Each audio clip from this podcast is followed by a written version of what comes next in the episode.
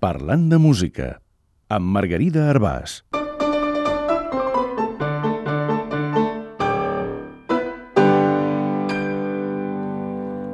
El violí i el fídel. El Barcelona Fidel Congress és una trobada a l'entorn dels instruments de corda fregada de la tradició musical no clàssica i ja va per la tercera edició. Com n'hauríem de dir en català? Barcelona i Congress no tenen problema de traducció, però i fidel? En anglès, la paraula fidel, com en alemany, ve del llatí huítula, que vol dir vedell.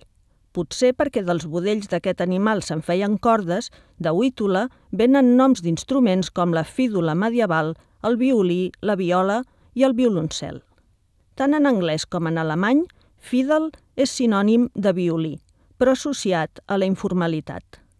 En anglès hi ha una broma entre músics que diu «Quina diferència hi ha entre un violí i un fídel?», pregunta un, i l'altre contesta que un violí no hi va parar cervesa.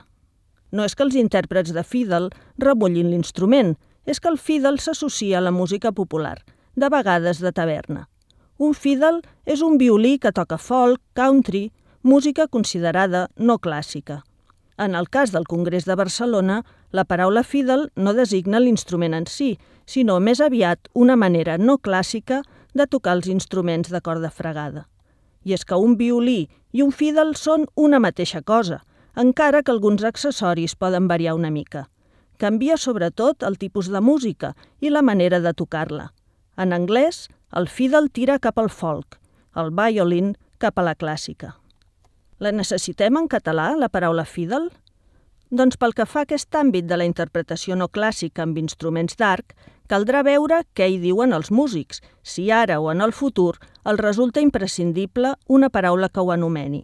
En tot cas, per designar l'instrument, de moment sembla que no fa gaire falta. Podem continuar tocant el violí tranquil·lament i per ara no cal que toquem el fídel.